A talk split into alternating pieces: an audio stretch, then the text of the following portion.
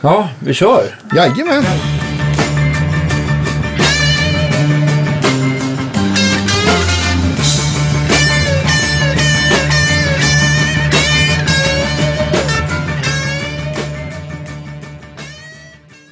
Välkommen, välkomna mina damer och herrar till Guitar Geeks podcast nummer 170 någonting. Åtta. 178. Och eh, det här, idag har vi med oss en eh, podcastgäst som jag har försökt att få till eh, en tid med under väldigt lång tid. Och jag är väldigt glad att vi äntligen eh, ska få prata mer hårdrock och metal med eh, Micke Almgren från Soreption. Välkommen hit. Tack så mycket. Ja, Mycket trevligt. ja. Ja. jag tror att jag eh, första gitarren jag klämde på av dina var en eh, grön Ibanez va? Stämmer? Ja, det kan vara Var kan, en två RG. år sedan någonting Ja, kanske. Något sånt där. Ja, sen dess har jag... Eh, så, ibland så blir man så här intresserad av folk spelar med förband så här, som lämnar in så här, som man lyssnar in lite grann. Tänkte så här, det är ju, som jag spelade upp för dig innan Ja. Surreption, det är ju ganska mäckigt och beundransvärt för att det eh, i min bok så är det, är det liksom, det är, så, det är ganska långt ifrån vad man själv håller på med men det är, ja, man blir, eh, Jag skulle man vilja blir så säga jävla att det, imponerad. det är som att spela ett annat instrument än vad jag gör. Mm, ja, men jag förstår lite vad ni, Ja. vad ni menar. Men det är liksom, ja men gitarren har liksom en helt annan funktion, ett annat sound och man har liksom, ja men du sa att det var inte sjusträngat på just det Danne spelade upp här men, ja, nej, det är men lite det är speciella stämningar och sådär. Så. vad, vad var det du spelade upp Danne? Det var väl från eh, sista skivan va? Nu kommer jag inte ihåg vad Mm, låten ja, senaste heter. skivan som kom eh, för ett och ett halvt år sedan ungefär. Monument of the End Ja, heter den. Ja. Coolt. Och, och, och vilket nummer i ordningen av skivor är det här? Det är, eh, det är den första skivan som jag är med på. Men Mm. det är den tredje fullängdsskivan och sen eh, släppte de en EP. Mm. Det första som kom ut med bandet. Ja. När hoppade du med Soreption? Eh, Det var ja, men ungefär sex år sedan. Mm. På vårkanten 2014. Ja. Fast, Hur hur fast då som basist faktiskt. jaha okej. Eh, Så att det är en liten...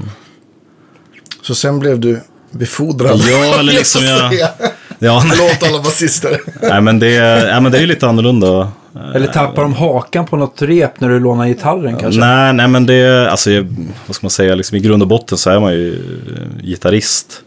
Och sen inom liksom, den här musiken så är ju gitarr, eh, liksom, gitarrspelet och basspelet ganska, liksom, det följer varandra ganska mycket. Ja. Eh, och så där, även om vissa grejer blir lite avvikande. Så att, nej, men det, det var en turné eh, som jag hade där 2015 där eh, som gitarrister inte kunde vara med på. Då var vi lite så här, för att det var en turné som vi ja, liksom bara skulle göra.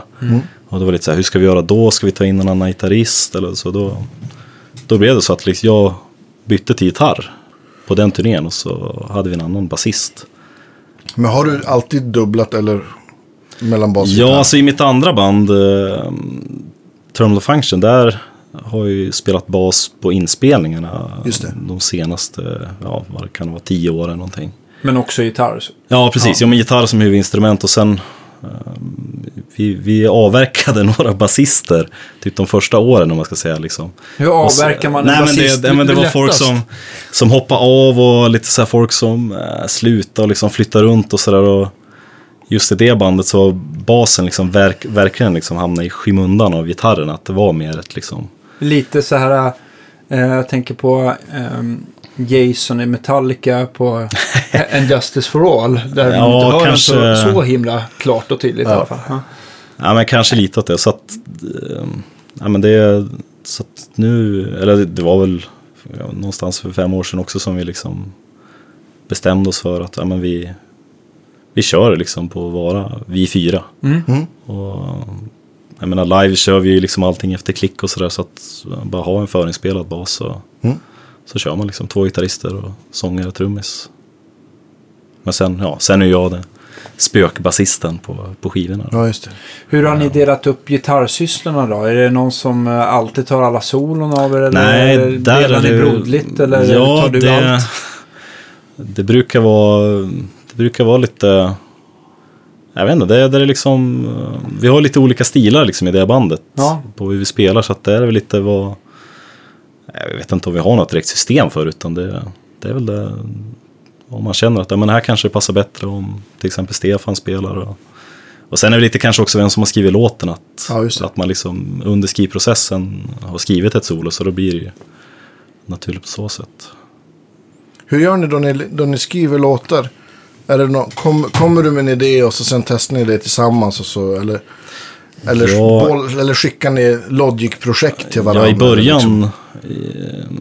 eh, av det, liksom när, jag, när jag kom med i det bandet, eller då var det ju liksom mer bara som ett projekt egentligen med, Ja, med gitarristen och trummisen. Då, då var det ju mer liksom, ja, men, skriva i replokalen. Mm. Ja, att det var väl liksom lite innan man började sitta och jobba liksom och programmera trummor och, eh, och sådär. Sen, sen när de verktygen liksom blev mer vad ska man säga, tillgängliga och eh, man skaffade det så, så blev det att man byggde musik mer på det sättet. Och, ja visst. och att, att det är ju främ, eller det är ju i princip jag och andra gitarrister som skriver låtar. Mm. Och då skriver vi i princip hela låtar, alltså hela arrangemang med trummor och ja. Och sen, sett, sen blir det att man, ja, alla får lite input och sådär. Man kanske ändrar lite grejer och när trummisen väl spelar det så blir det att, ja, han skriver väl om vissa saker så men Ja. Texter och sånt. eh, det, det har jag skrivit faktiskt för Ja. det bandet då. Ja. Eh, Så att det, det är en lite annan, Men är det du som sjunger också? Nej, det är det inte. Det är, det är en kille som heter Viktor Larsson. Som, Okej. Även han är en väldigt duktig gitarrist. Mm. Och, Det är så många bra gitarrister. ja, nej, men han, Vi kommer aldrig sluta. Nej. Nej. Mm. nej, men det är sång, alltså eftersom den musiken är så otroligt komplex, liksom rytmiskt och sådär. Så, Ja. så, så krävs det liksom att man är väldigt duktig på något instrument eller förstår liksom det teoretiska väldigt bra. Så att, För att kunna sjunga till ja, för att det, liksom bara Ja, förstå det. Mm. musiken. För, Så att, han är otroligt duktig på det. Är det, är det, du säger att ni, liksom, att, ni, att ni alltid spelar till klick. Är det för att det är programmerat ljus och grejer och så? Eller? Nej, inte. Utan- Det är ju mer att alltså, allting är liksom skrivet efter det och sen är det ju många, många låtar där det liksom kan vara tempoändringar och så också. Ja, och just det. sen just eftersom det är lite grejer, ja, men som ba, eftersom vi inte har en basist så blir man ju, då är det ju ganska lätt att bara fortsätta med det. Ja, ja, absolut. Men jag tänker, när man, när man lägger klick till en sån här musik, om, om ni håller på eh, eh, blanda taktarter och sånt där. Skulle ni kunna lägga ett klick som ändå höll sig på någon slags 4-4 som man kan liksom förhålla Nej, sig till? inte- Eller måste det ändra sig hela tiden? Det- För, jag vet, för jag vet ju att Meshuggah till exempel, de lägger ju ett 4-4-klick överallt. Ja. Ja, De tänker ju 4-4 tydligen. Ja, precis. Ja, fast det låter ju verkligen helt eh, ja, galet. det är väl liksom 90, I deras fall är det väl ungefär, ja, jag vet inte, 95% kanske är väl väldigt rak. Sen har ju de en Precis. del udda grejer också. Men i vårt fall funkar det inte för att det, Det blir för udda. Ja, nej men det, det, går liksom, det är mycket så här udda ja, men 16-delstakter här och var liksom så att det blir att alla partier och sen är det lite också att man bygger utifrån hur trummisen David vill ha det också. Att, Ja. Ja. att vissa partier funkar det liksom lättare att ha ett mer liksom kanske liksom när det kommer på fjärdedelar och sen kanske åttondelar och ja, det, det blir väldigt liksom detalj. Ja, just det. Jag, jag får en sån här Skrivet. bild framför mig. Du, får, du får säga om det är sant eller inte. Eller om det kan vara så här. Att du sitter framöver datorn och har programmerat det här och liksom är klar. Så bara, haha, nu ska de få något att bita i. eller, Nej, det... ofta det, slår det tillbaka om man, eh, på Ja, själv att man har ja. skrivit grejer som man tycker, ja men det här låter coolt liksom. Och sen, just när man, liksom, när man skriver och spelar in det, som jag, är ju ofta att man presenterar åt varandra att man, man kan liksom inte spela låten egentligen. Utan man, Nej, man spelar in det liksom parti för parti. Och liksom, ibland kan det vara att man får dela upp det verkligen liksom på tonnivå. Bara för att få kunna presentera något än att man ska sitta och öva i flera veckor. Och sen liksom, har man liksom tappat lite, vad ska man säga, liksom inspiration i. mm. Eh, Så att när man har, när vi står och liksom, ja men alla har lärt sig låten och man står och övar så liksom, då får man ju, man svär lite åt sig själv att man har skrivit så halvt hopplösa grejer. Men det är lite det som är skärmen med det också, att, att bli pushad liksom. Ja, ni att, tvingas bli, eh, liksom, liksom utvecklade. tvingas bli bättre. Liksom. Ja, visst. Hur, hur, eh, då ni spelar in plattor, gör ni liksom, gör ni det också? Jag tänker så här, hu- hur, i och med att ni, ni skriver så att, ni, att som du säger att det är saker som du, du kanske inte ens kan spela förrän ni har repat. Repar, repar ni ihop det hela bandet och sen spelar ni in det eller lägger ni trummor först och bygger pussel liksom? Eller Det kanske är olika. Ja, nu, nu håller vi faktiskt på ja, men med, med det bandet då. Eh, mitt andra band, Terminal Function, vi ska spela in en, en ny EP. Eh, och då, nej, men liksom processen är väl liksom det att ja, men, Stefan skriver några låtar och jag skriver liksom några låtar och sådär. Så väljer man ut det man tycker liksom, ja, men det här känns som att vi gillar mest och så kör man vidare på det liksom. Och, eh, tills man har liksom en, en grund som man tycker att ja, men nu känns det som att vi liksom är på rätt spår liksom med låten. Och så liksom lär alla lär sig alla liksom partierna liksom, så börjar man nöta det liksom kanske i 70-80 procent. Och liksom ta sig igenom Ja, låten så är liksom olika, så liksom bygger man på det där liksom tills man är uppe liksom i fullt tempo liksom. Och just för att liksom känna på lite låten också. Uh, än att- för att det, man kan ju uppleva den på ett annat sätt än när man bara liksom, ja men okej nu finns det låt upplagd liksom. Eh, och, nej, men liksom, ja, få lite olika perspektiv på det.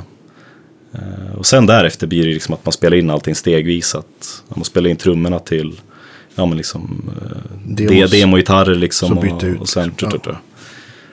Så att det är ett... Hur skulle du beskriva genre, eller genremässigt? Går det att sätta någon etikett på banden? Eller är det...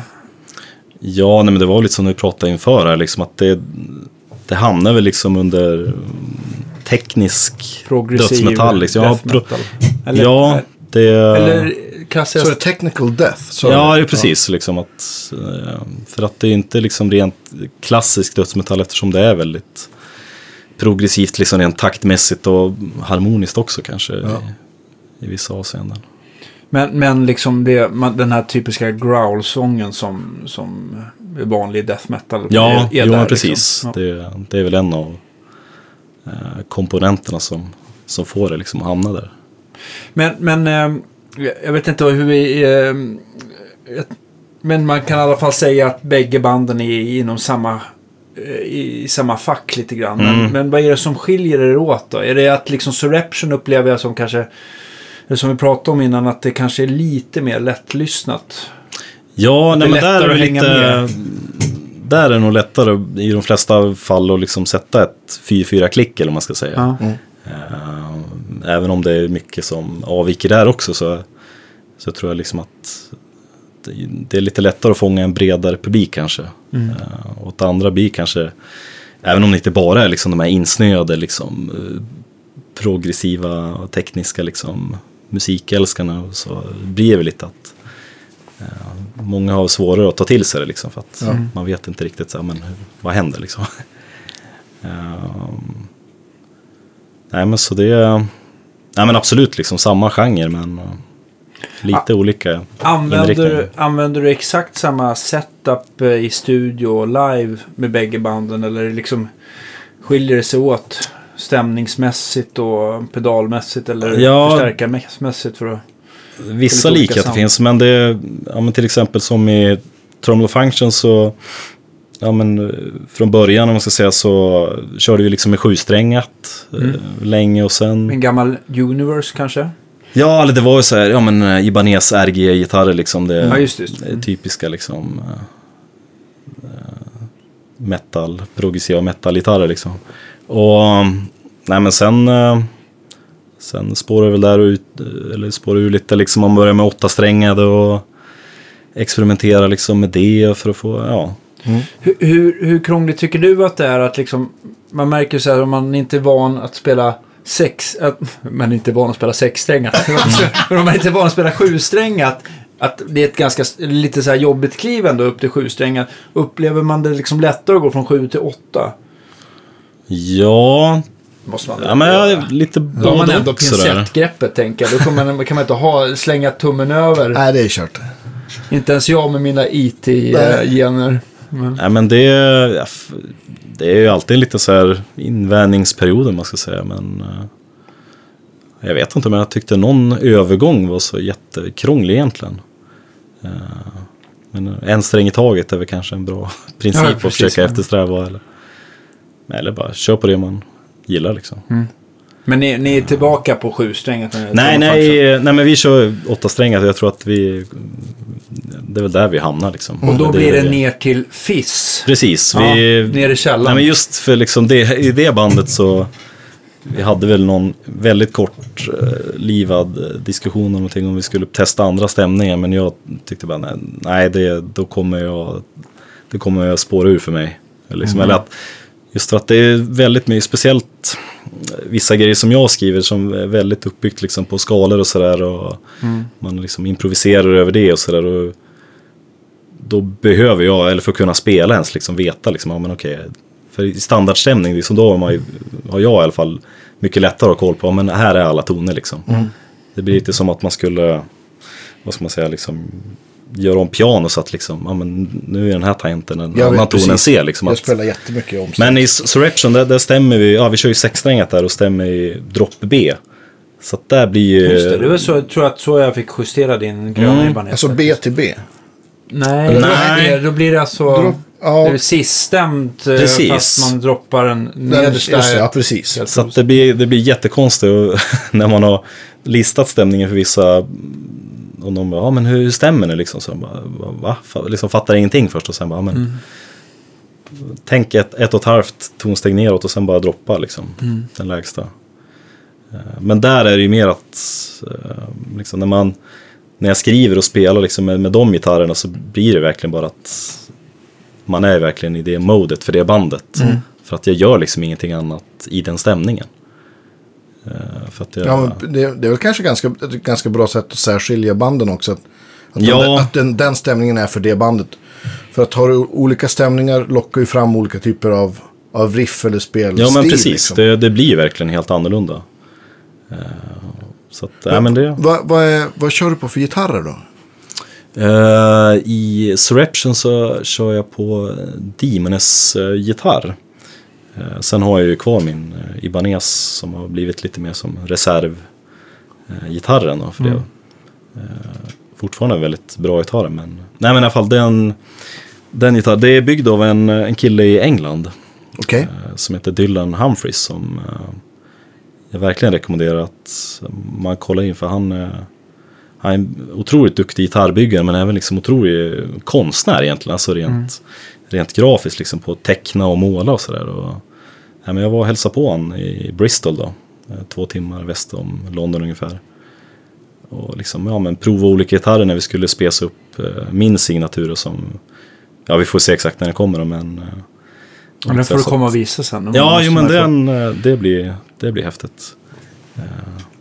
Hur, hur, Så att det är ju de gitarrerna jag använder för det bandet och sen... eh, men men om, man, om man går tillbaka till din signaturmodell. Vilken, vilken typ av gitarr var ni utgick ifrån? Var det liksom en, en så här superstatta typ RG? Ja, eller- lite åt det hållet. Ja. Eh, Och jag gillar ju ganska så här, ja men om man tänker så här naturlig liksom finish, om man tänker liksom eh, Trä. Ja men trämässigt oljad, liksom. Ja liksom. men och så här mör, mörka liksom trä liksom och det här. För att jag... Visst det är, det är kul med liksom gitarrer som verkligen sticker ut. Och så också med, det är lite... Men du gillar, du gillar hellre den här liksom matta eller ol, oljade finishen och inte så... Ungefär som den här Ran-gitarren som jag visade för dig innan Mm. Christians gitarr. Att det är lite så här, man, man nästan känner fibrerna liksom. Ja, ja men det, det är något med det. Jag tror att om man försöker tänka långsiktigt också så tror jag nog att man, man kommer tycka om, eh, gilla och Tack. titta på den gitarren liksom om 20-30 år. Ja, att just det är liksom inget man tröttnar på liksom. Ja, just det. Nej. Men så att, och sen i andra bandet, eh, planen på sikt är väl också eh, att, att han ska bygga en åttasträngad gitarr till Ah, där. okej. Eh, Men han, han är ju, det är han och en till kille som hjälper han eh, lite och sen, men han bygger ju i princip allting själv. Okej. Eh, Så att det, det är ju det är ju liksom en ganska lång, vad ska man säga, en lång, lång tid liksom hela processen liksom. Ja, alla ja. beställningar liksom, man tänker liksom som vanliga kunder och andra eh, signatur, eh, gitarrister och sådär. Men, eh, nej men i andra bandet, då, Terminal Function, så eh, kör både jag och Stefan, andra gitarristen, på Strandberg-gitarrer. Just det. Och det, det är ju lite annorlunda än eh, liksom de här Ibanez-gitarrerna man har använt tidigare. Liksom. Eh, För de, de är ju också fortfarande liksom otroligt bra, men det är, det är något speciellt. Liksom. Det, Ja, vi har ju kände ju på Ja, visst. Hasses. Hasses gitarr, han är ju... Han hade, den, var, den var väl med Fishman-mickar har jag för mig. Har du haft det på din... Den här Nej, det är Lundgren. eh, M8? Mm. Ja.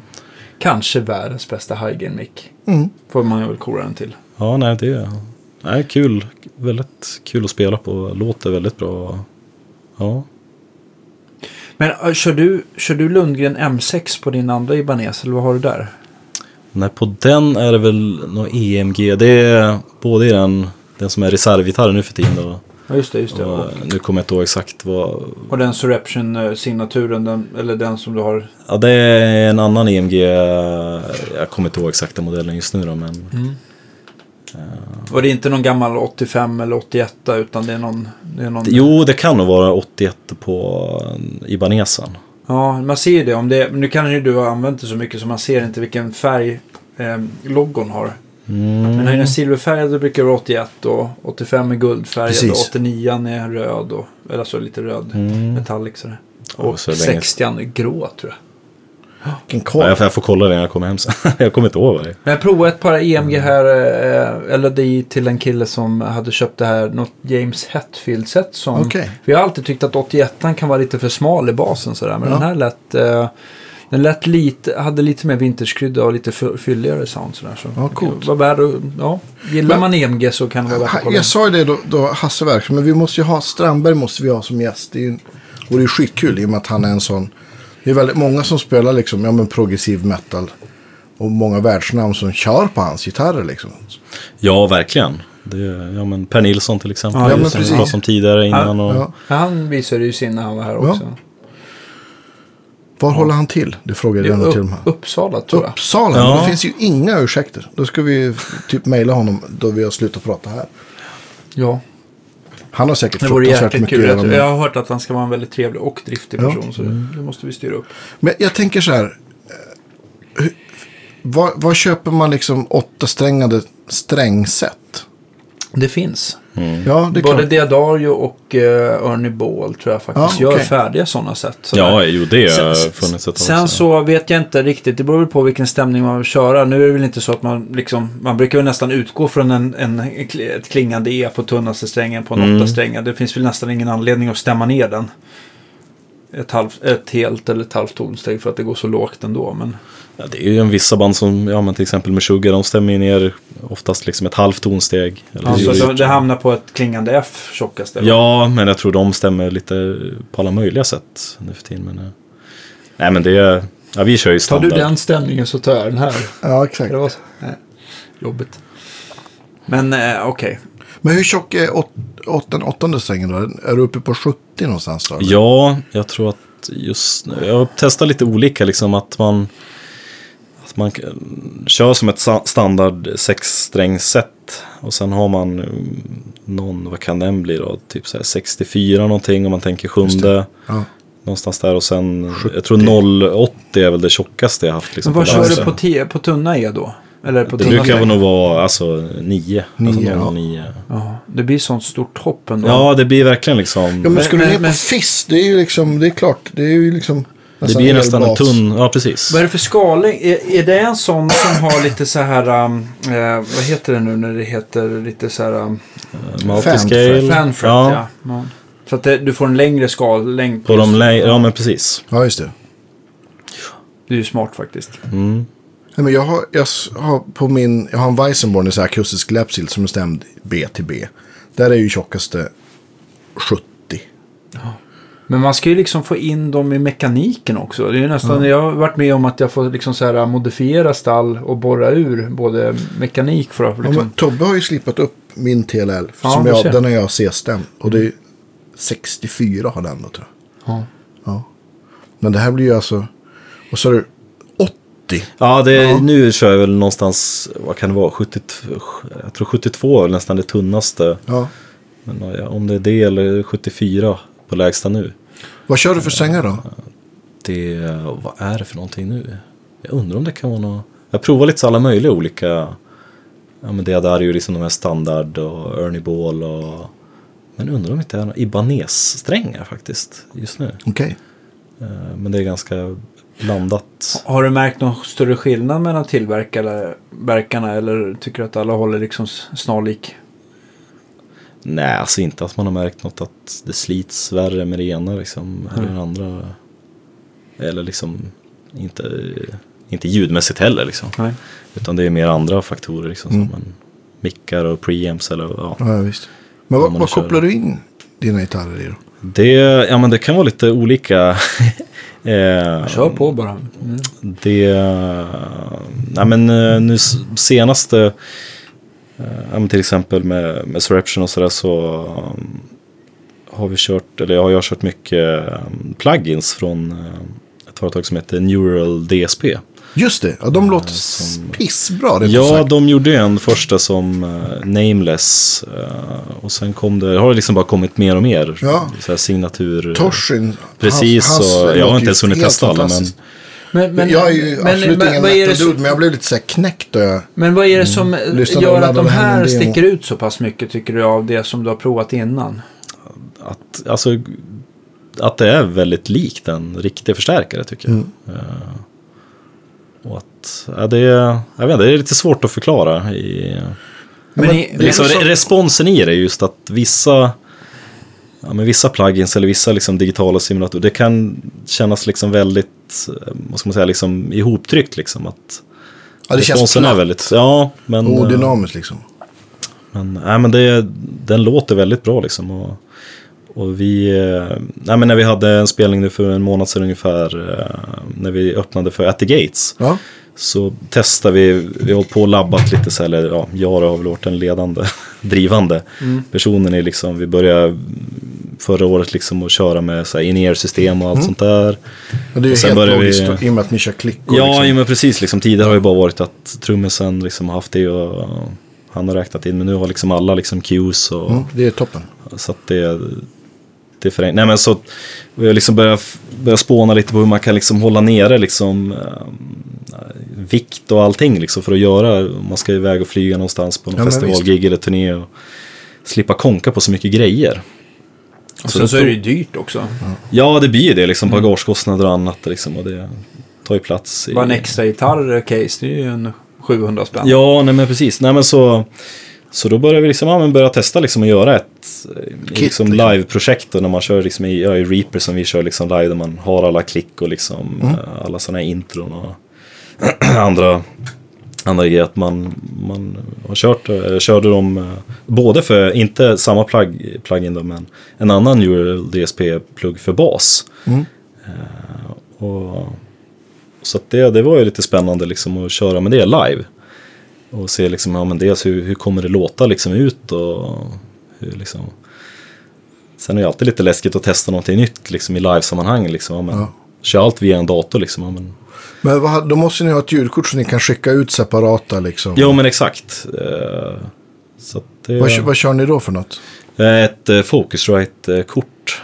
Eh, ett sånt eh, rack, vad heter Ja. den? Claret. Just det. Med typ åtta ut då. Ja, det är ju det är bara två grejer som ska in. Det är bara liksom gitarr och bas in och sen är det liksom separat ut liksom gitarren i stereo basen och sen är det ja, men liksom eh, klick ut på en som går liksom bara in till oss och sen är det liksom ja, men sån här Intro. backtrack-ljud och massa annat. eh. Mm. Så att det, men det, det gick väldigt bra. Alltså det, det lät väldigt bra. Och, Det, alltså det, det må ju vara otroligt tråkigt och, och folk kommer tycka att det är sjukt lite rock'n'roll. Men, men med en tystare scen så blir liksom ljudet ut för publiken mycket, mycket bättre. Liksom. Eller bättre, det blir mycket liksom, eh, distinktare.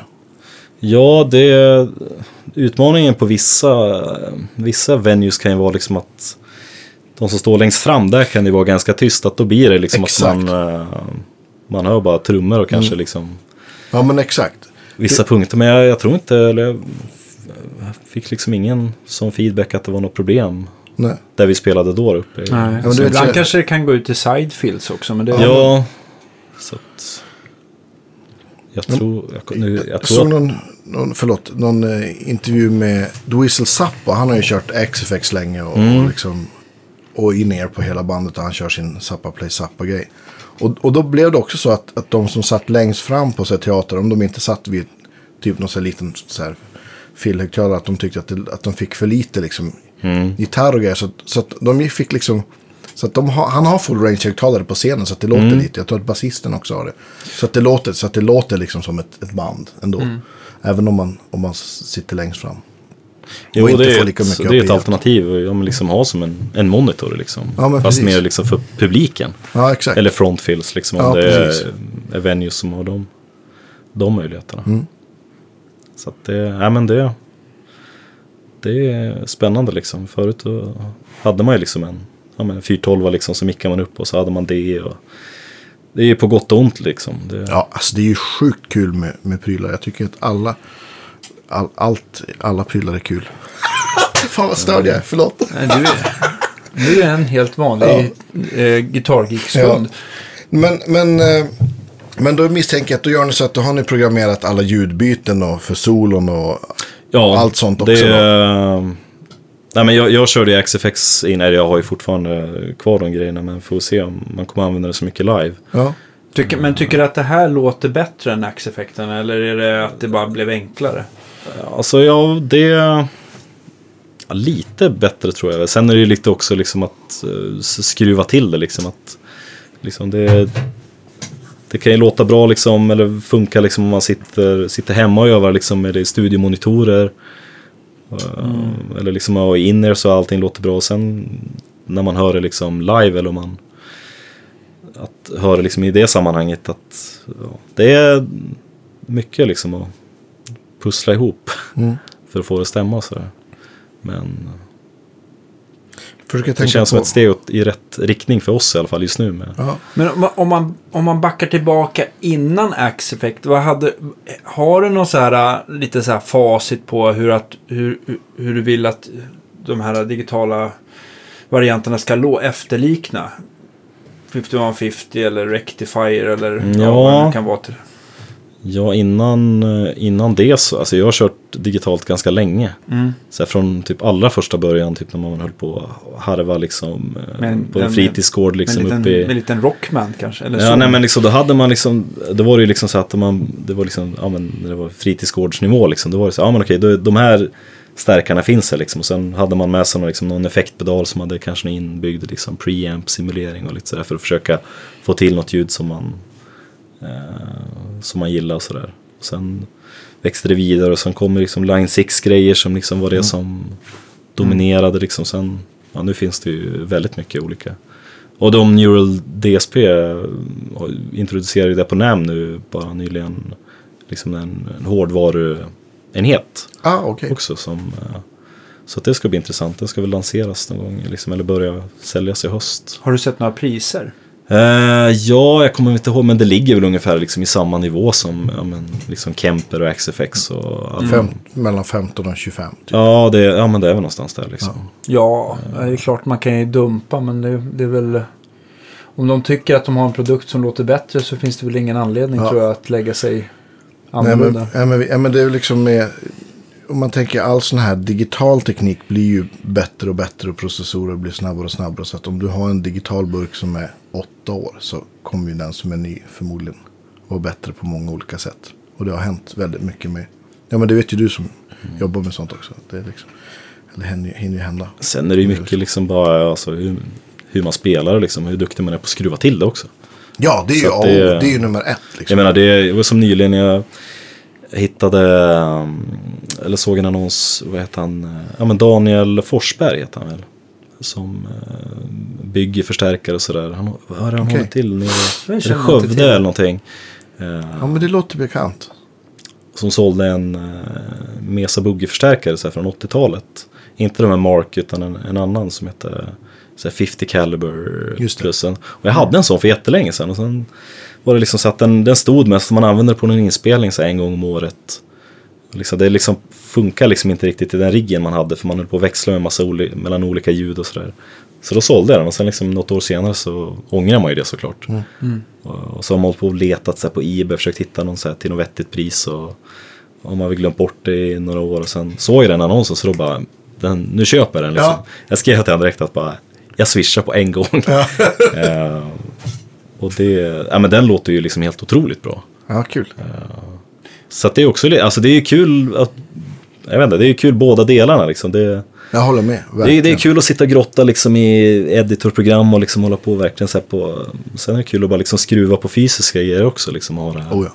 känslan liksom i rummet. Och, så att, ja, få lite olika perspektiv Ja, tror jag. visst. Det Men, men det här har vi ju pratat hundra gånger om förut. Men just med in-ear att du liksom, du behöver inte hitta någon sweet spot på scen. Utan ju, du får ju samma gitarrsound oavsett var du ställer dig någonstans. Liksom. Ja, nej men eh, när man liksom, men på en Europaturné som vi gjorde i slutet av 2018 när man körde liksom Fractal, ja, men de här XFX-grejerna och sådär. Och när vi, eller, ja, när vi andra förutom trummisen liksom bara körde med monitorljudet, då var det verkligen liksom att hitta punkten liksom och det, det är svårt.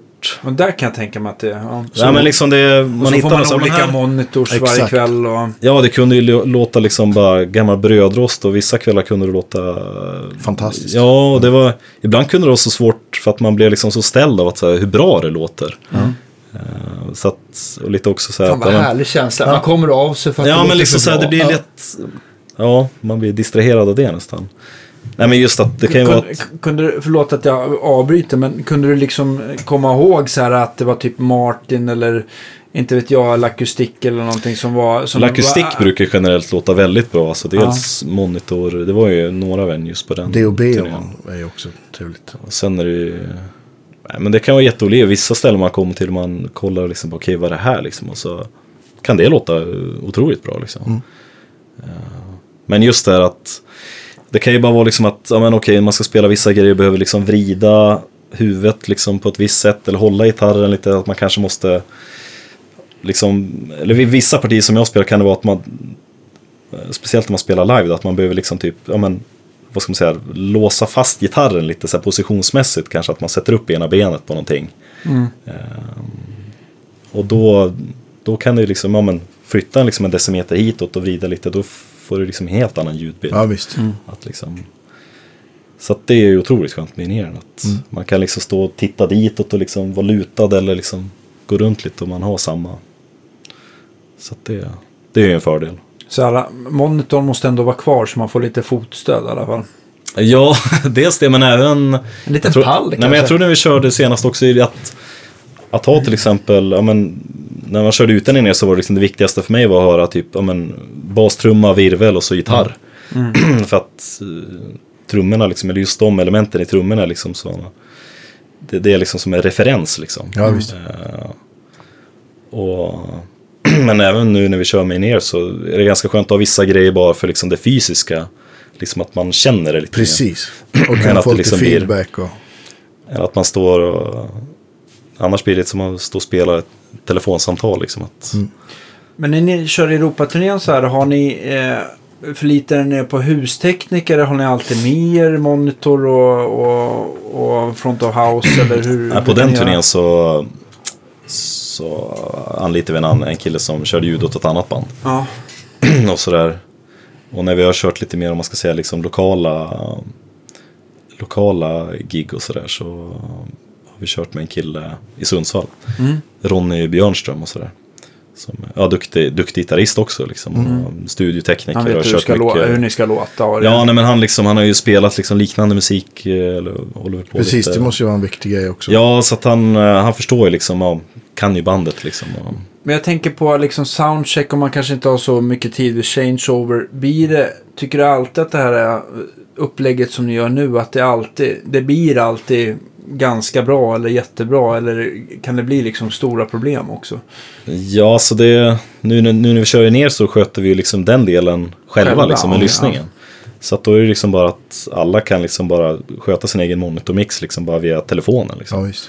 Eh, Gud vad smidigt. så att det blir lättare för, ja, men dels för oss istället för att man ska stå liksom och peka liksom och Ja, ja, försöka visst. liksom så bara, "Ah, kan jag få mer av det och det liksom. Och, och enklare för liksom, ja, men han som kör, eller den som kör eh, Men, hur, hur house, ni, att bara liksom, ja men det är bara det här jag ska tänka på liksom. men trummorna då? Får ni en, en left-right från, från monitorkillen då för att höra trummorna eller? Nej, det var bara Nej, vi kör ju och monitor. virvel, eller? Ja, eller det, det som vi har i lyssningen. eh, Vi, allting går ju inte via monitorsystemet. Eller vi, vi skulle ju kunna göra det, men då blir det liksom väldigt många liksom splittar och grejer som måste liksom in i det där. Så att vi har försökt liksom hålla det till det absolut nödvändigaste. Ja.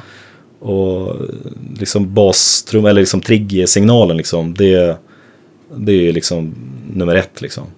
Men sen är det, det, det som är i, i lyssningen där, eller som går via, som går via den eh, i nerlyssningen, det är liksom ja, men, kick och sen är det liksom gitarr, bas, sång, eh, ja men sådana här backtracks med intron och lite så här effektljud och grejer. Eh, och vissa så här orkestergrejer, eller vad man ska kalla det, vissa partier. Eh, och sen, ja, som även går liksom utåt till publiken. Och sen är det ju det som bara vi har, liksom inräkningar. Precis. Nu är det dags för refräng. Ja men, eh, nej, men nästan. Nej, men det vi har gjort är liksom att, ja det, det är min röst liksom när jag bara säger liksom, ja men nästa låt. Skärp nu för fan. Ja men liksom den, den här låten och sen bara typ, ja men fem sekunder till inräkningen börjar. Eh, så att, och allting Ja. bara går ju, så att det är ingenting. Det, vad guld. ja, det är, så länge allting funkar så är det ju. Sen, men blir det struligt så börjar någonting fejla mitt i en låt så då är det ju ganska, det är ganska kört. Men ja. Det har inte hänt än. Folk. Nej, inte. Nu har vi inte använt det så jättelänge men vi har ju repat med det och väldigt mycket och sådär och testat så att Det ska hålla. Förhoppningsvis. Det är, ett, det är ett bra sätt om man spelar till, till tracks att man räknar in faktiskt varje del. Liksom. Så, så har det varit liksom, ja, men med både Tommy och med, nu med Chris. Att det, är liksom, det är inräkning till introt. Det är inräkning till då versen börjar. Det är inräkning till refrängerna.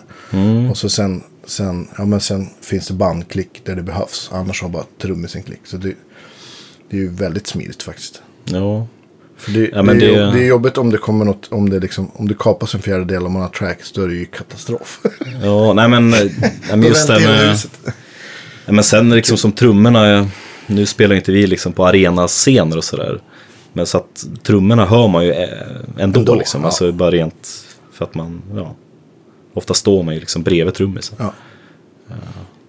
Och det är en ganska, nu vet jag inte i och för sig, men man får ju en känsla av att det är, att det är ganska hårdslående också. Så det, Ja, jo i, i det här fallet så, ja men Tony Westermark han, han spelar ju inte bara väldigt snabbt, utan han, han spelar väldigt hårt också. Eh, så att det, det var någon spelning där, det blev nästan komiskt. eh, för man tänkte liksom så här, men det blev så högt att man skulle vilja säga, men hur, hur kan vi sänka det? Så här, men det går inte liksom. Det, det är bara så här liksom. Det, Ja. Ja. Så här låter det. så att, eh, nej men det, kör på 16-tumskagge, Ja, precis. övningsplatta. Ja. Nej men, Jag Nej, tänkte, men- Det finns någon annan... Jo, men nu kommer jag ihåg.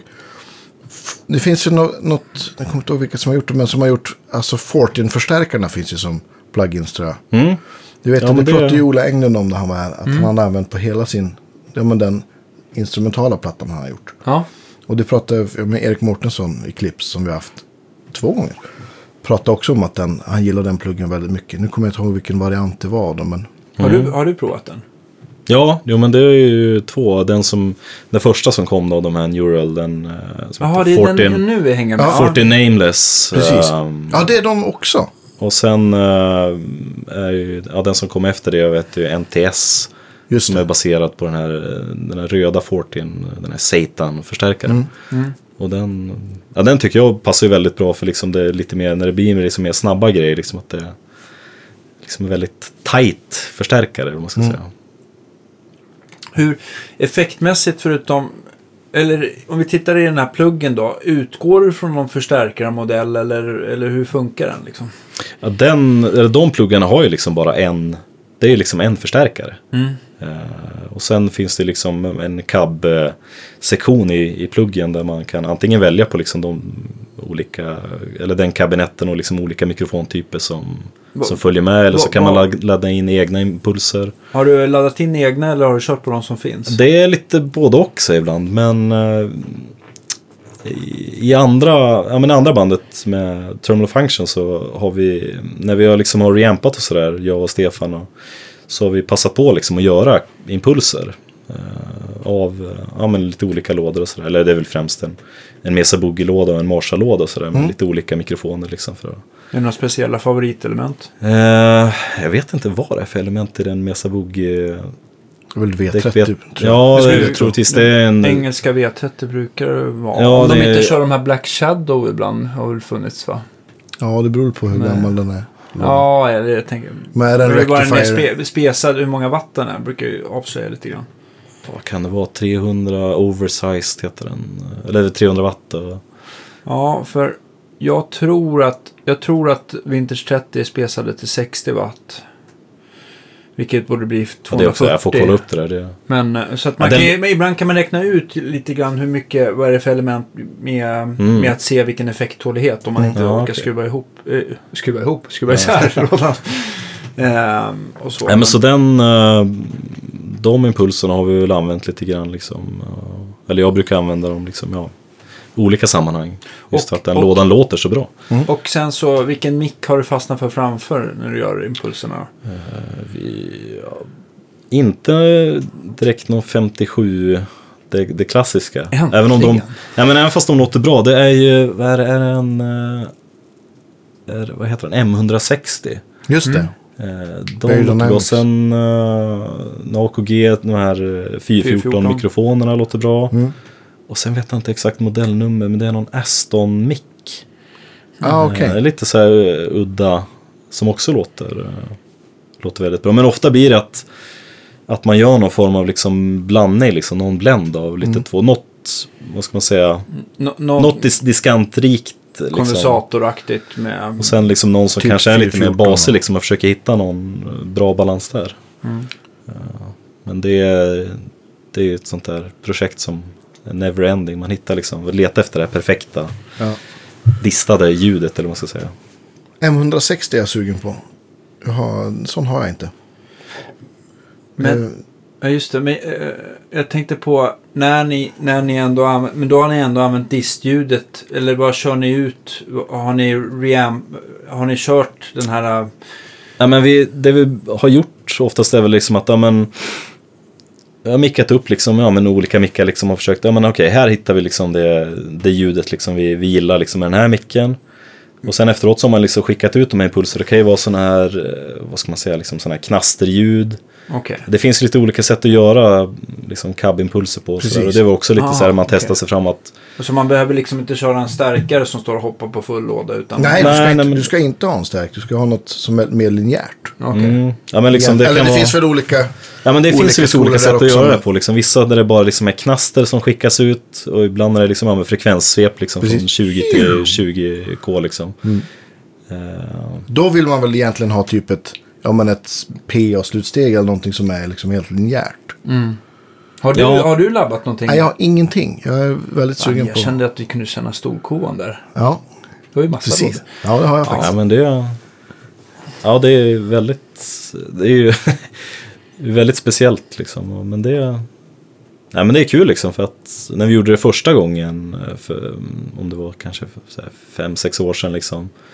Och man laddade in dem där och höll på att konvertera liksom och fick in dem i XFX och så här, så märkte man liksom ändå att ja, men det här känner man igen liksom, det här Mm. ljudet. Precis. Och sen ja, har man försökt att göra det bättre och bättre för varje gång. Och, så att, ja. Jag, ty jag tycker ändå så här, när man gör de där rampen, är det relativt, när man gör det där eh, svepet över Mm. eh, med tonkurvan, är det, hur hög är volymen? Är det relativt lågt eller är det, eller är det rätt mycket volym som man... Jag tror vi har haft nu, nu har vi inte, jag har inte gjort några mätningar så liksom på i- decibel men det, Jag tänkte bara upplevelsen av att stå ja, framför det, lådan. det är ju högt, det är ju, man får ju ha hörselskydd liksom. Eller vi har gjort, vi har gjort det på ganska hög, hög volym just för att elementen ska jobba. Ja, men Precis. bra. För att jag tänkte Eh. så här, för gör man det inte så att, för en del av det här soundet som man gillar, det är ju en slags så högtalar-breakup också som, Mm, som ändå exakt. blir en del av Mm. soundet lite grann. Nu är det inte riktigt samma sak som när man liksom spelar in eller om man reampar ut liksom via en rörstärkare till exempel. Men det Mm.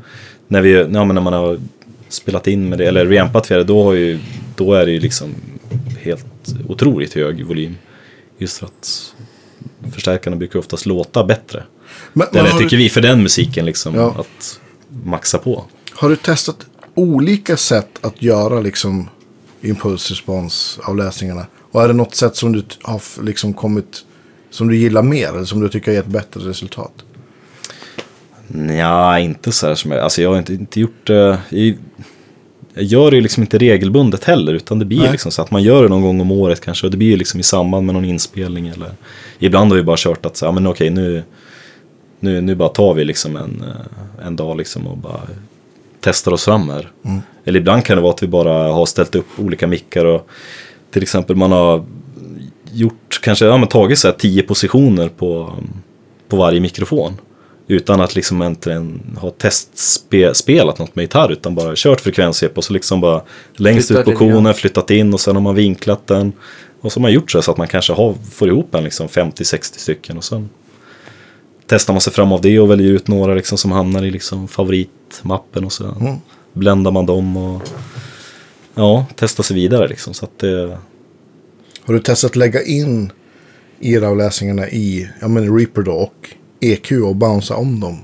Så någon gång. Är ju ett sätt, det kan man ju faktiskt också göra. vad, vad tänkte du? Eller, Nej men att du kan ju liksom, du kan ju lägga in en impulsrespons. Och så lägger du på en, en EQ, liksom som du skulle ha gjort. Om du, I en mix liksom. Ja. Mm. Alltså på färdiginspelade gitarrer? Eller? Nej, utan på IR-avläsningen. Det är ju en ljudfil. Så att, Ja, just det har inte jag testat. Men... eh, Du skruvar i efterhand om du... Nej men jag vet, jag har hållit på att labba lite med olika så här. eh, Jag och en, eh, en kille som heter Buster Odeholm. Som, han är både musiker och liksom producent och sådär. Och hållit på liksom och labbat lite med Kemper och sådär. Och liksom gjort olika mm, så här, Kemper, ja, men liksom profiler och olika förstärkare och sådär. Och, Mm. och just då, då har vi liksom kört men gitarren in i interfacet och sen har liksom EQat den signalen innan det som går till förstärkaren. ja, just det. Att man liksom gör, gör det i det steget och, eh, och sen uh, fånga liksom den, ja, hur det låter. Just det. Så att, men det, är ju, det blir ju liksom före. ska säga. Och det är inte riktigt, ja det är en annan, eh, det är inte liksom en cab-impuls så men. Så att, ja det, är- ja, det är intressant. Så, Finns, finns det Kemper-avläsningar av typ så här 14 plugins undrar jag. Det, nej men jag, jag bytte till med en Kemper, om det var i höstas eller i somras när det var.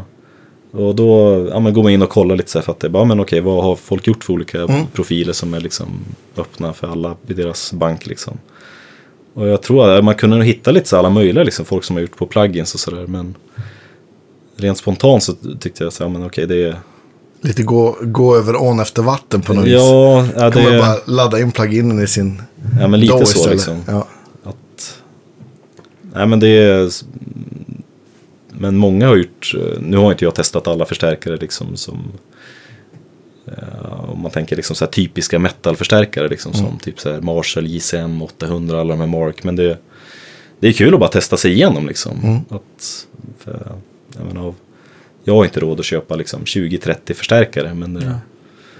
men eh, det är ju kul att bara kunna bara liksom, ja men Ja, jamma visst. liksom på olika, få olika idéer och så att, ja det men sen, sen någonstans får man ju försöka liksom att, ja men nu man får välja ut någonting och hålla sig lite till det också. Så att, för ibland kan det vara att man sitter liksom en hel helg och bara man sitter och spelar liksom och sen bara, men vad har jag gjort egentligen så här? Eller vad har jag, vad har jag kommit fram till här? Men på liksom, ja, man får försöka se det längre att eh, att ibland så får man väl bara liksom göra saker som inte direkt är liksom resulterar i någonting bara för att det är kul också. Mm.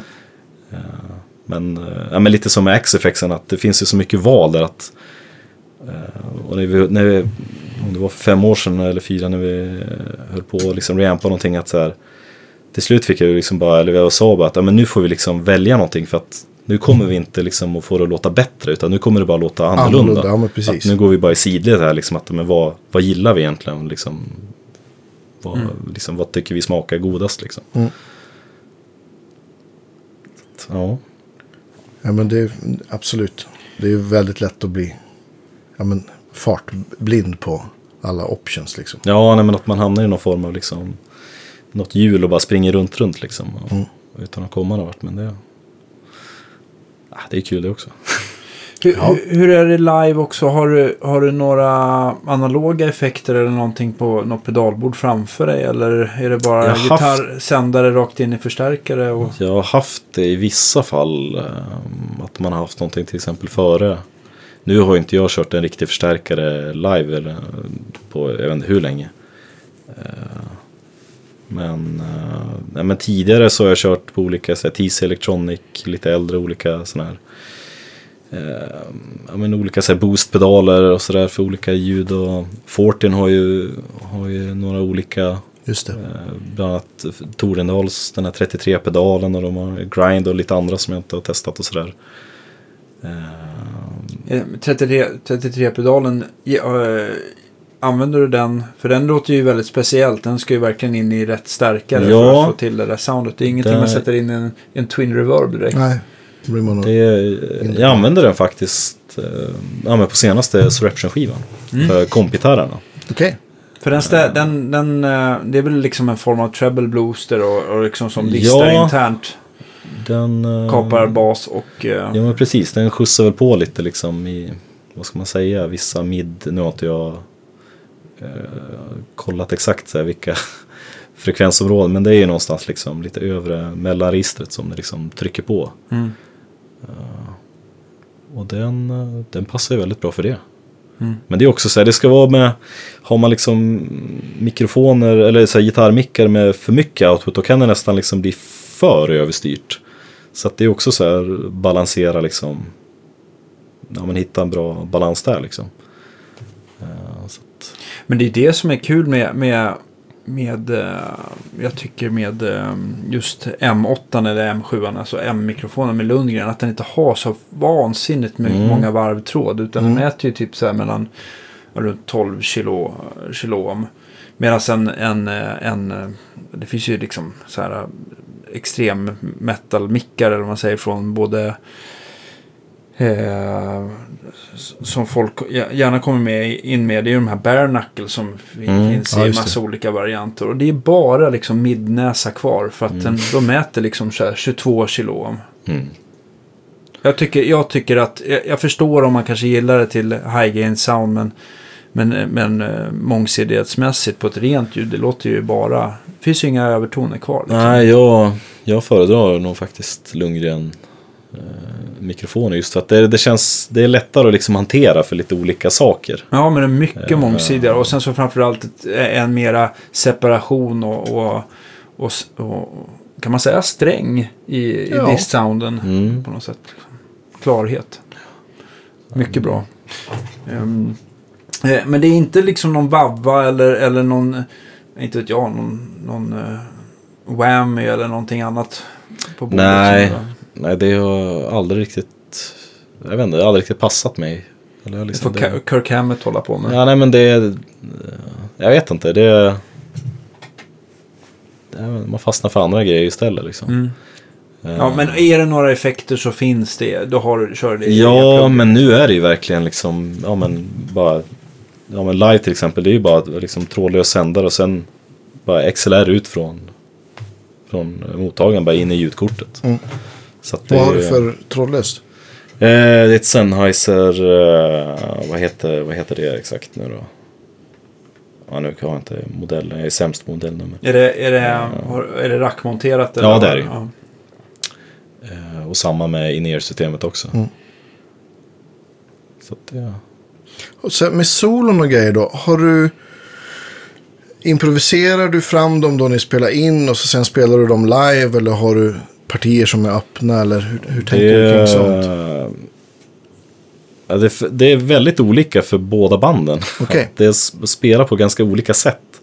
Att jag tycker i, i Terminal Function finns det inte alla solon men vissa improviserar liksom väldigt mycket. Liksom, Mm. För det finns lite mer utrymme att göra det, eller känner jag. Då.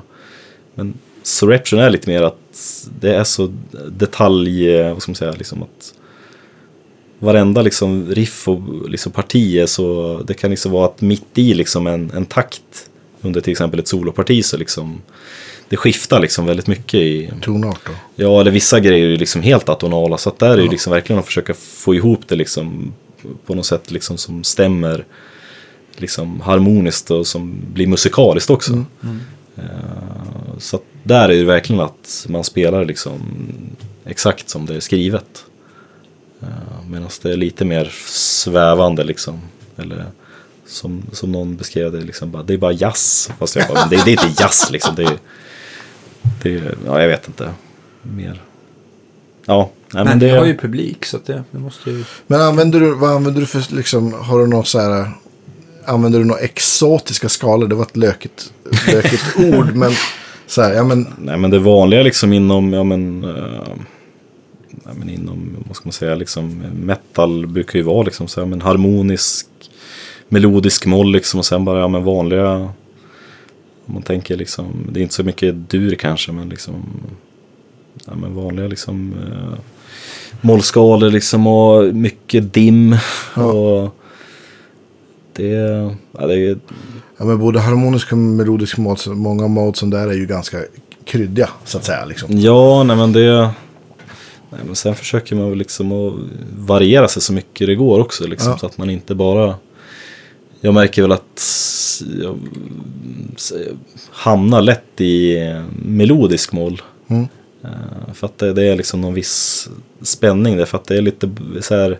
Det är lite moll och dur på samma gång nästan. men så här, att det är liksom en skön kontrast eller spänning i det. Mm. Eh, Men, eh, nej, men nu med skivan vi håller på nu och jag håller på att jobba med solen och försöker begripa vad jag gör och liksom försöker göra någonting nytt. Liksom, så försöka hitta lite, lite, nya, lite nya smaker och Mm. testa kul. något nytt i- istället för att bara köra på liksom, gamla formler. Liksom. Mm. Men, men jag tänkte på, då har, har du något... Eh, har du programmerat eh, ljudbytena i, eh, i datorn eller... Mm. eller eh, Jo, det, ja, men när vi liksom började köra allt. Eh, ja, men till exempel med Streption Live förut så liksom då, då körde ju trummisen liksom efter, han hade liksom en metronom, alltså vad, vad heter de? Ja, men en metronom liksom apparat bara för det. Och sen en sampler liksom med, ja, men liksom som man triggade liksom, slog på för att liksom vissa ljud eller vissa intron och sådär. Exakt. Eh, och sen när man liksom tog bort det och så hittade man någon sån här typ backtrack-maskin som var liksom ganska okej och, och sådär. Men den, den gjorde ju liksom bara det. Mm. Eh, och sen nu då liksom när man kör allting via dator som är väl liksom det som är mest mångsidigt på något sätt. Och mest riskabelt också kanske. Eh, då var det ju liksom bara att ja, men då automatiserar man ju liksom allting med ljudbyten Precis. och sådär. Så att för vissa gånger kan det vara ganska oskönt och liksom precis när man ska gå in på någonting som är väldigt svårt. Liksom att man ska börja liksom leta efter saker med fötterna på golvet. Och, så att nej, det, är, det är liksom nu, nu, nu, är, nu kan man inte gå tillbaka. Eh, Men det är, äh, det är skönt tycker jag. Det blir mindre saker att hålla på och rigga också. Liksom, att det är Ja, liksom ja, bara, visst. Vil, vil, vilka gitarrer har du haft, eh, gitarrer, gitarrister har du haft som förebilder? Jag, jag vet att du gillar Holdsworth. Ja, det, ja, men, eh, jag kom väl in på, på Holsworth lite genom ja, men, liksom Tornedal och Meshuggah. Liksom, för att, ja, men, liksom, när man började lyssna på liksom, metal så här, det var ju liksom så här, men Metallica, Megadeth och liksom, typ så här, Sepultura, liksom, Pantera, liksom, lite de banden. Och sen började man liksom, upptäcka mer extrema band liksom, och sen hittar man eh, liksom Meshuggah. Liksom, man bara, är de här från Sverige liksom? Och Mm. Det var liksom, ja men någonstans liksom mitten på typ 90-talet där, typ när den här Destroy Race and Prove hade kommit ut och Mm. liksom den var ju liksom så långt före liksom om man ska Ja, säga visst. liksom mycket var, vad ska man säga, vad publiken var redo för på något sätt. Men, eh, Ja, det är en milstolpe. och jag fastnade ju väldigt mycket liksom för, ja men dels för att det var så häftig musik liksom, men Mm. liksom just ja, men som Tornedals sätt att spela på liksom. Sen börjar man liksom så här grotta ner sig lite där och så här okej. Ja, för han, hans solon är ju, jag ska inte säga att det är någon rip-off, men det är ju absolut inspirerat av Ja, Holdsworth. men precis liksom den skolan liksom, eller den Visst, stilen liksom, och ljudmässigt också. Mm, precis. Och sen när det var ja, men en, eh, en gammal bekant liksom som, eh, som spelade upp en, en skiva, liksom, det var som att man bara, men det här är ju liksom, man hittar hem på något sätt. Eller det var liksom bara, bara vad- man bara, vad, vad är det här liksom? Och så bara, Mm. okej, så bara, okej, låna den eller man köpte någon eller kopiera över liksom. Har du grottat ner dig mycket i, i liksom Hols, Holsworth eh, teori eller, eller sätt, sätt att tänka och sånt där? Ja, jag minns, jag köpte någon sån här skön gammal, eh, han gjorde en instruktionsvideo i början av 90-talet. Ja, visst. Eller om det var slutet på 80, ja någonstans där liksom. Eh, och det var, väl liksom så här, det var ju verkligen överkurs för mig då. Men man köpte för att det var liksom så här, ja men de varvade liksom så här, bandet körde några låtar och sen snackade han lite om så här, typ okej, skalor och lite olika liksom sätt att se på det och använda och sen men eh, vissa grejer, man säger bara okej det här fattar jag ingenting av liksom. Men det ändå, var ändå intressant och musiken var ju väldigt häftig liksom. Och sen började man liksom plugga lite mer så här, musikteori liksom. Och sen kom man tillbaka till det där liksom eh, ett år senare någonting kanske. Man bara okej men då då, liksom, då fattar man mer av det och kunde liksom börja ta till sig det och utveckla och se okej men vad, vad är intressant liksom och vad kan jag använda det liksom i det jag gör och Mm. försöka eh, ja, men, ta vidare men men det är ja, väldigt sp- speciellt sätt Jag minns också att han, att han noterade ackord på andra sätt. Så typ, Ja. en ring med ett kryss var maj 7. Eller Ja, så väldigt, Jag kommer inte äh, ihåg alls nu. Men, men han, han hade liksom eg, eg, eget sätt att skriva ackordsfunktioner. Ja, jag Ja. vet. Och det, det är inte så här jättelätt att lista ut allt. Nej. Men, Nej men han, eh, ja, men han pratade om det att han var ju liksom, han tyckte så här men Skala fan det var liksom så här, men typ kyrktonarterna liksom så här att men det, han bara, det, men det är ju liksom samma Det är samma skala för att det är samma intervaller så att han menar det är liksom Alla skalor är liksom helt unika liksom eh, För honom liksom så ja Eller hur Mm. han såg på dem som jag Absolut. tolkar det så att Nej men så det är väl en eh, Eller två om man, om man räknar med Fredrik också såklart som Och med Sugar liksom överlag mm. Eh, Men sen, ja, vad ska man, vad ska man ta? Det är, det är liksom inte bara gitarrister som har vad ska man säga, inspirerat väldigt mycket. Det är, ja, men till exempel som han pianisten, keyboardisten Chick Corea. Ja. Eh, med alla hans olika liksom, projekt, liksom, de här Return to Forever och eh, sen, just det, sen lyssnar jag väldigt mycket på, mm, på den här trion. Både liksom det som, nu, som trio och individuellt. Aldi Meola och han... Paco de- span, eh, precis, Paco Lucia Lucia och John McLaughlin. Och, och lite, ja men de var ju med, eller främst Aldi Meola och John McLaughlin var ju, hade lite olika liksom egna band och konstellationer. Precis. Och, eh, och sådär så att de lyssnade jag väldigt mycket också en, en period.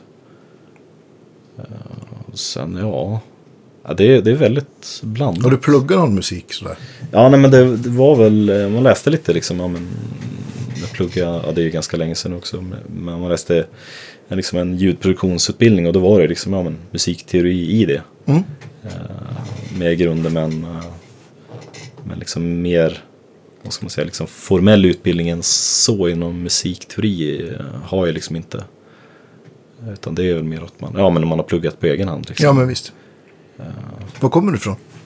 Eh, jag är uppvuxen i Gävle då. Ja. Och Thermal Function grundades av ja, men han Stefan och trummisen David Lindqvist i, Sandviken utanför Gävle. Så att det är liksom, man kommer i kontakt med dem där liksom och börjar Men spela lite, sen. Per Nilsson är väl också därifrån va? Eller? Ja, ja, han bor i Gävle. eh, Men så kanske är. Ja, men jag vet inte om man, om man är från Sandviken. Men ja, det är ju nästan, eller det är inte samma stad men det, det är ju så nära så. Mm. Eh, nej men sen, ja, sen flyttar ju alla liksom gradvis liksom, eller, ja, ner till Stockholm eh, i det bandet då. Eh, sen, uh, sen rest, ja men ju, alla bor ju uppe i Sundsvallstrakterna. Just det. Så att jag är den enda ja, som håller till här nere i Stockholm. Vi pratade lite innan här också. Du, att du jobbar på, på Spotify. Ja, just Ja. det. Ja, jo, nej men eh, musiken är ju, är ju eller ja, inte bara en hobby ska jag säga, men det, det är inget, inget jag lever på så, liksom, även om jag lägger ner otroligt mycket tid på det. Mm. Eh, Inte än, får vi väl säga. Nej, men får se, men det är, ja, det är, det är en speciell bransch. Kan man lugnt säga. speciellt inom den här musiken också som kanske inte Nej men är den så är väl... lukrativa så, men det är Ja, men det är väl väldigt inte roligt. så här, ra, det är väl inte radiomusik direkt utan det är väl en, en, en s- smal fåra med hängivna fans liksom. Ja, ja men det.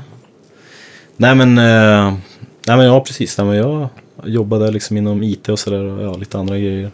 Okej, så du, Som- du är lite mer på driftsidan så att säga på Spotify eller?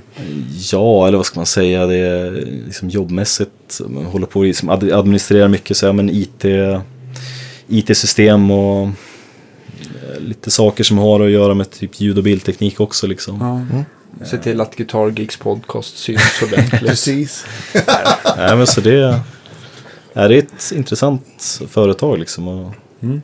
Det är, Vi, har lite, vi, vi får väl se vad som händer med, med, med coronaviruset här. Men vi har ju faktiskt blivit kontaktade av just eh, Mm. din, eh, eller av Spotify att göra live Event? podd. Ja, på, eh, på... eh, Vi vet inte riktigt var vi kommer hamna någonstans. Men troligtvis inne vid Mariatorget där. Mm, på, rival förmodligen. Rival, ja, Vi har varit på möte med Spotify och Blixten som är ett stort bokningsbolag. Att, Och det är Ja. liksom ingenting. Sen får vi se om det går ehm, eh, eh, att få till under våren med alla dessa omständigheter. Mm. Precis. Eller om vi får skjuta på det till men senare. det är på gång Men- och men det kommer bli eh, otroligt kul. Ja, Och, eh, så då får alla komma. Ja, Men exakt. vi kommer, vi kommer fortsätta att Ja, tjata på. det- om, det när vi kommer får ni inte datum missa. och- Ja, det kommer ni inte nej, missa. Om ni missar det då. nej, men spännande. Det är, då har ni inte lyssnat på vår Nej, men vi tänkte, vi hade väl, vi hade väl tänkt både att vi har gäster och eh, kanske lite... Lite test Lite och lite test, ja. andra Ja. roliga Ja. saker. Så att, Ja, får se. Ja. Det blir lite mer omfattande i alla fall. precis. Eh, så att eh, håll ögonen och öronen öppna. På. Jajamän. Ehm, hur, vad, berätta, men det är i alla fall en ny skiva på gång och du berättar att ni är liksom inte så direkt intresserade längre av att släppa fullängder utan hellre mer på EP för att det är oftast... Ja, med Terminal Function i alla fall. Ja. Eh, ser det väl ut så. Liksom. Eller vi har ju märkt, eh, om man ser liksom på hur, hur liksom folk lyssnar på det. Att De är helt exempel, mörbultade efter en låt. Nej, men det är just eftersom det är så, eh, vad ska man säga, liksom, så specifik liksom, musik och det, att det blir liksom att, typ, ja men singeln från EPen till exempel, att det är det som liksom folk fastnar för liksom. Mm. Eh, Men, eh, ja så Reption, det är, eller vi håller på nu och jobbar på en ny fullängdsskiva som, Mm. målet är väl att den ska komma ut eh, i början av nästa år eller någonstans där liksom. Mm. Eh, Så att det är där För att är hojta vi- till så vi kan lägga Ja, nej, absolut. men det, är- vi, är, Stänkare. vi är djupt inne i hela den processen. Så att det, Du får jättegärna göra en, en spellista också med, med både dina band så vi kan lägga ut så folk kan... kan Ja, Ja, nej, men eller om det är ytterligare saker som du vill Mm. ha, ha Ja, med men från precis. tidigare projekt. ja, nej, men det, nej, men det kan väl vara kul att ha lite blandat kanske. Det man själv har gjort och det som man gillar lite. Absolut. som har influerat Ja, eller ja, som ja. man Det är skitkul. Det är som, haft så här, det, jag tycker det är jättekul också då det är genrer som, som jag inte själv kan. Liksom, så tycker jag att det är jätteintressant. Men det är ett bra, det är kanske ett bra, eh, så här, ett bra prov för dig att kanske lyssna igenom en hel, eh, alltså Destroyer Racing Prov. Det kanske du har gjort från Ja, början till slut. absolut. Ja, men den lyssnade jag på. Alltså, då den kom gick jag Ja, men det, det, det, det är bra. Klarar man den, då klarar man det mesta. ja. Nej, för Surreption kanske är ännu hårdare. Svårt att säga. Ja, det, jag tror. det är nog mer komplicerat i det jag hörde i alla fall. Ja, eller kan det vara mer komplicerat? inte. Det kanske det är. Det är lite Jo, det, annorlunda. det kan alltid bli mer komplicerat. men nej, men det, det, är liksom, det, det ska ju inte vara någon sport. Liksom. Så, det är inte Nej. målet. Men det, det är väl liksom att man... eh, Vad ska man säga? Man, vad man ska likna det är ju liksom lite mer ja, men som, som vissa gillar liksom, ja, men, man tycker det är kul bara åka lång, långfärdsskidor. Liksom andra gillar ju bara att köra liksom 100 km i timmen rakt ner. Och vissa Ja, ja, kör visst. extremsporter eller liksom kampsporter. Så det är väl lite där att det, det är dels att det, det är en sån utmaning liksom att spela det, men det, det, ja, i grund och botten är det musik som handlar att det, liksom, det ska ju liksom, man ska uttrycka någonting och liksom, det ska ju, Beröra man folk. ska ju liksom känna någonting liksom, man hör det. Liksom. Det ska inte bara vara liksom, galenskap liksom, som, det, det är ingen tävling på något sätt så liksom, men det, men det är ju liksom det är väl det som håller det liksom, eller, som gör att man fortfarande tycker det är så kul att hålla på med liksom, fast man har hållit på med sånt här liksom, i typ nästan 20 år eller vad det kan vara. Liksom. Att liksom det, ja, men det, man utvecklas hela tiden, man får, liksom, man får jobba lite. Liksom, att det, så Ja, att man, man har skrivit någon låt och liksom sitter med allting. Liksom, som man, vi, vi skriver ju liksom alltid i Guitar Pro för att, för att kunna komma ihåg det. liksom, Ja, att- ja det är lätt- så det ni har lättare- ett abbat liksom? Ja, men Ja. Man, det är lättare för man ska visa någon liksom, att ja, men här har du, kan du sitta i lugn och ro. Och, Ja. Eh, att man liksom bara tittar igenom grejerna som man har skrivit tillsammans. Eller sådär, att bara, men hur ska det här gå ihop? Liksom? Hur ska jag klara det här? Och sen sitter man några kvällar liksom, och sen efter någon vecka liksom, så här, man, benat då kan man spela. Liksom, och det är, det är liksom en ganska häftig kick. Liksom. Ja, sen visst. liksom, repar man ihop sig liksom, och man gör Ja. skiva och man spelar live och sådär. Liksom, och det, jag vet inte, det är något speciellt. Liksom, Ja, hela processen. Liksom. Ja. Eh, och sen att folk gillar det. Liksom, det blir ju bara liksom mer Ja. energi in i det. Liksom. Att, men det blir liksom ännu roligare. Att det, är så här, men, det hade varit kul ändå, men det blir liksom en extra att se att men, folk tycker det här är häftigt liksom, och blir glada och liksom, Mm. inspirerade av det. Så att, Ja, det är grymt. Heja musiken, säger jag. Ja. Ja. Ja, men det är så, jag brukar tänka, jag tänkte på det nu, nu då Danne spelade upp lite grann av er, er musik. Så tänkte jag att men det måste vara så här människor som, som, som hör jazz. Som inte har de öronen liksom. Tycker att, att det är liksom, för jag, jag har så här, jag tycker det eller att man inte förstår. Jag, för jag blir ju sjukt fascinerad av att jag inte förstår vad ni gör. Ja, det är Det är så här man, man, hänger inte med liksom. Nej men precis, men det, det tror jag kanske inte, de som kanske inte gillar jazz kanske inte blir fascinerade av att de inte förstår. Men det måste vara liksom, lite liknande känsla, tänker jag. Att man så här, man hör något som man inte kan greppa. Och antingen så blir man fascinerad av det eller också blir man bara störd. ja, men så kan det ju vara liksom, alltså med annan konst också. Liksom. Absolut, Alltså, det går ju att applicera på vilken konst. ja, men liksom, vart som Man helst. går och kollar liksom, på utställningar eller man ser filmer eller böcker. Liksom, så, jag menar, det, är- allt är ju liksom subjektivt. Liksom, att, Ja, ja, visst. Så är man ju själv liksom. Det är ju vissa Ja. ja. men, tv-program som bara, men det här. Jag fattar inte varför vissa gillar det här eller det här, men det är så här, men Whatever det floats spelar liksom ingen roll. Liksom. Ja. Ja. men Okej, gillar man det så kör liksom. Det som är bra, att vi alla är olika. Men, men eh, jag tänkte på, vi brukar ju alltid ställa den här frågan, vad, liksom, eh, vad är den sista gitarrgrejen du kommer sälja? Vad är det liksom? Eh, ja, det som inte hamnar ute på en annons. eh, nej, men liksom, vissa saker vet man ju, liksom, ja, men det kan man ju alltid få tag i liksom, om man eh, tröttnar eller tycker att ja, men okej, XFXen har bara stått och samlat damm i ett år. Så, för det vet man, men det kan man alltid få tag i. Liksom. Mm. Så det är ju liksom, det går ju att ersätta väldigt lätt. Eller liksom. Men eh, det som kommer följa med liksom ända, ända ner i graven, det är nog det är nog eh, en, en grej som eh, ja, men Thomas Hake i Meshuggah, hans, som hans brorsa byggde. Han gjorde ju först, först eh, byggde Just den här blåskontrollen, breath-controllen till Just Fredrik. det, precis. För, eh, för Fredrik ville väl säga, ja, men han ville kunna få gitarren att låta mer som någon så här saxofon. Ja, eller men kunna styra dynamiken och sådär. Det var väl till någon sån här Yamaha SC99 Ja, eller precis. sånt där. Så breath controller manik. De, och, och Thomas brorsa Johan då. Han är ju så helt otroligt duktig liksom. Jag, jag kommer inte ihåg exakt, men han jobbar ju, eller har jobbat, eller jag tror han fortfarande jobbar och typ undervisar på Umeå universitet och sådär. Och är så helt, ja. Eh, En gammal, eh, en vän till mig hade honom som lärare när han läste liksom till, till ingenjör och sådär.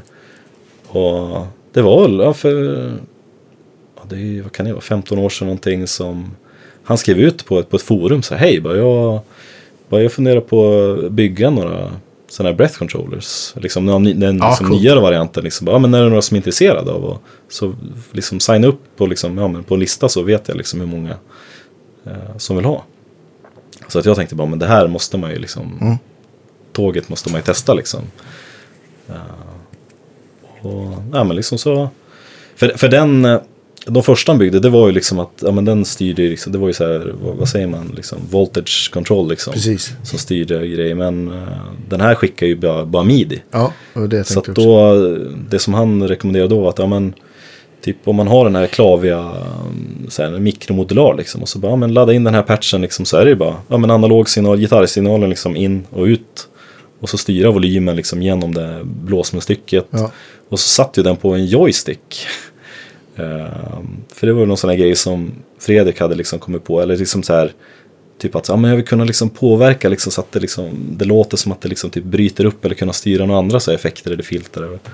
Och då tror jag det var Thomas som hade föreslagit så bara, men typ, ja, men montera det på typ en sån här gaming joystick så att man kan ha liksom X och Y Ja, just det. Eh, och liksom om man, om man har något filter eller liksom en annan effekt så vill hålla på liksom, eller pitch bend eller eh, så att det, det är en helt knäpp grej egentligen fast så häftig liksom.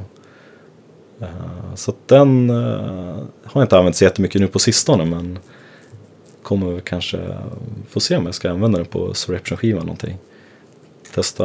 Eh, men dels liksom går det att göra väldigt häftiga liksom, grejer liksom, i hur man fraserar. Att man kan vad ska man säga, liksom mjuka till attacken lite grann. Ha, har du någon låt eller någon inspelat som, som du kan lägga på listan som, som du vet att den används Mm. på?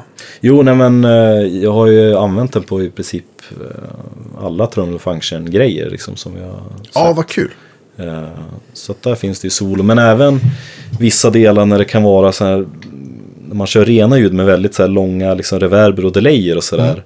Att, att man liksom hakar. Eller det blir lite som att man. Det alltså- blir som en expression-pedal Ja, liksom, eller volympedal fast man...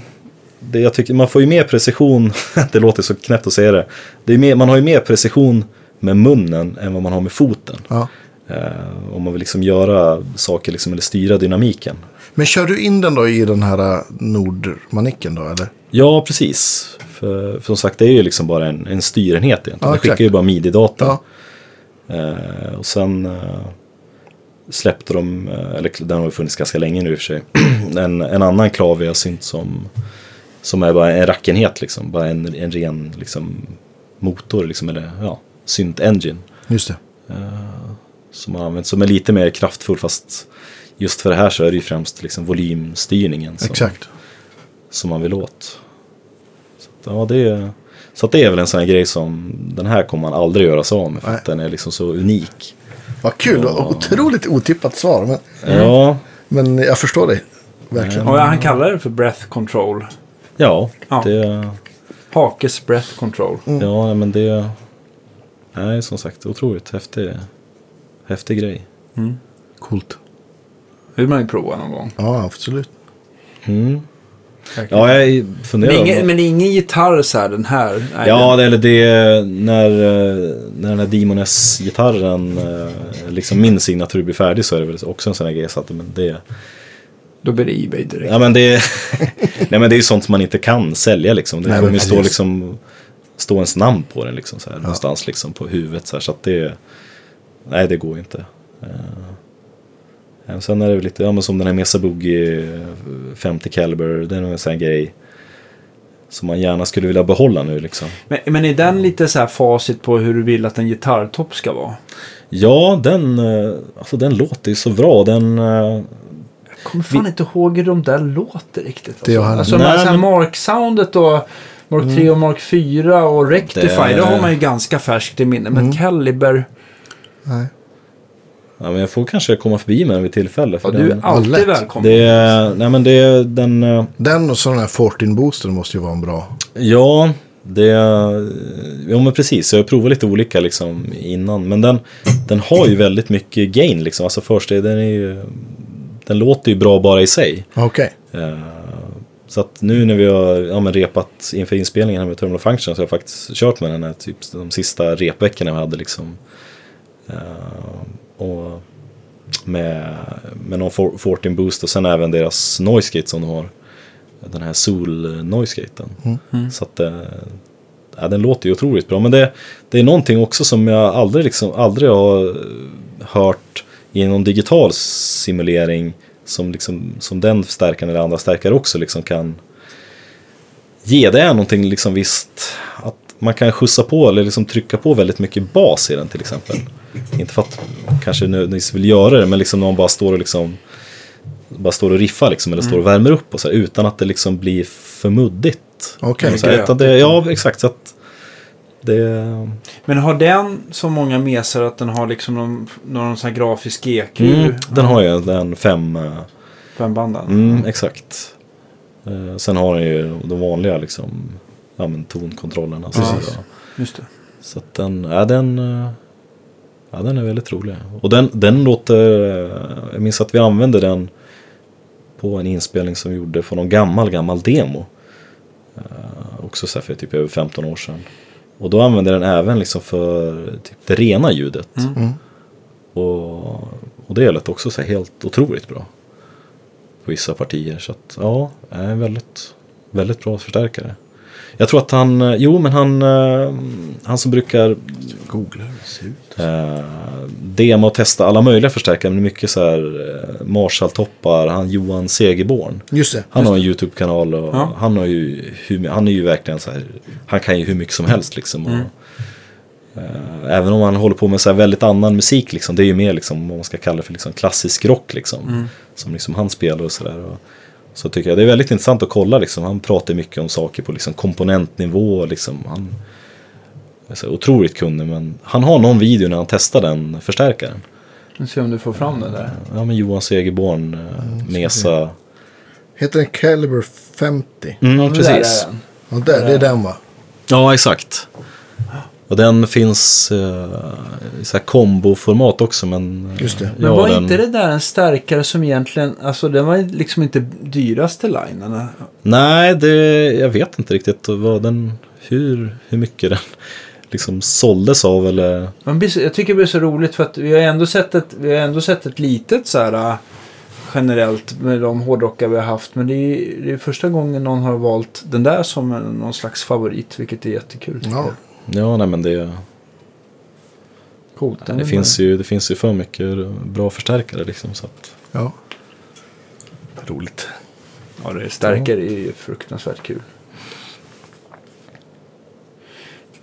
Och efter, nu, har, nu håller ni på att skriva för Surreption och sen så kommer ni med den. Är det någonting annat? Vilken, vilken är nästa ja, inbokade spelning och sånt där? Ja, det, vi får ju se lite här som sagt hur det ska bli med allting med tanke på hur läget ser ut liksom. Corona och... Är ju, man har ju sett band eh, som liksom har ställt in turnéer lite överallt här, liksom Europa och ja, men liksom både ja, men band inom den här genren man håller på med men även liksom stora alltså världsartister som ja, men här i Stockholm och på andra ställen. Så att det, planen är ju att vi ska spela i Kanada nu här i slutet av våren. Så att vi, vi får väl se lite hur det, om Hur det, det blir. Ja, om det Var kommer i gå. Kanada? Eh, alltså över hela Kanada. Det är Ja, så tre veckors. Så att det blir liksom... Tillsammans med något annat band då eller? Ja, men ett kanadensiskt band eh, som vi har turnerat med tidigare. Mm. Eh, som är liksom headlineband på, det, på den turnén. Eh, ett band som heter Archspire som är så ännu mer tekniska än vad vi är. Det är Är det så att ni står och ska, skakar Ja, nej, men det, det, de är verkligen helt uh, otroliga. Men det är, det är också så här, det, är- det är inte bara... Eller liksom, det är, Du får det slänga inte, in någon inte av deras- får- För vissa band eh, kan jag tycka personligen så här, okej, det är, de är sjukt duktiga liksom. Men det är, det är inget som liksom går in Nej. i själen, om man ska säga. Eh, Det blir inte eller så så mycket här. låt av det till slut. Nej, men det. Sen är det lite smak. Men de gör, tycker jag, gör väldigt mycket Så de liksom här. Arch... Archspire. Eh, Jag kan, jag kan lägga in dem i Ja, lägg, lägg in för en låt i alla fall, det vore kul. För deras senaste skiva som kom här för något år sedan. Den, Idag är det onsdag och eh, det sänds imorgon det här programmet. Så det, Ja, okej. ja. ja, men det, ja, men det är ett eh, häftigt band och otroligt bra live också. Ja. Ja, vi håller tummarna att, att, att, det, att alla blir friska fort. Helt Ja, enkelt. vi får se hur det utvecklas. Men som sagt, ja, det vore, det vore väldigt kul att göra. Mm. Så det är väl eh, närmast där. Och sen är det väl lite någon festival i sommar och sådär nere i Malmö och, Tjeckien. Och, ja, men lite sånt där. Eh, Så att, men som sagt, just nu är det väl lite... Man får väl avvakta lite och se hur det ska bli med allting. Annars... Ja, du hade väl också ganska skakigt med, eh, med, med spelningar och turnéer. Och, Ja, jag vet inte. Vi får väl se. Det, jag mis, misstänker att det kommer ställas in en del. Ja, Sen och får man se- med, du hade ju både ABBA i USA och Brasilien. Ja, var det Europa också? Ja, det är maj och så Clefford i Sverige. Mm. Och ja, vi får se. Ja. Helt enkelt. ja. Verkligen. Ja. Jag hoppas att det löser sig på. Ja, det kommer det göra på något vis. Men du, stort tack för idag. Ja, grymt. Skitkul. Ja, superkul Mycket att... trevligt. eh, Och få spela, och snacka, ja. prata lite hårdrock. Ja, Ja. mätta. Och vi, eh, gott folk, hörs nästa vecka Ja. med ett nytt avsnitt. Tack för idag. Ha det så bra. Hej då.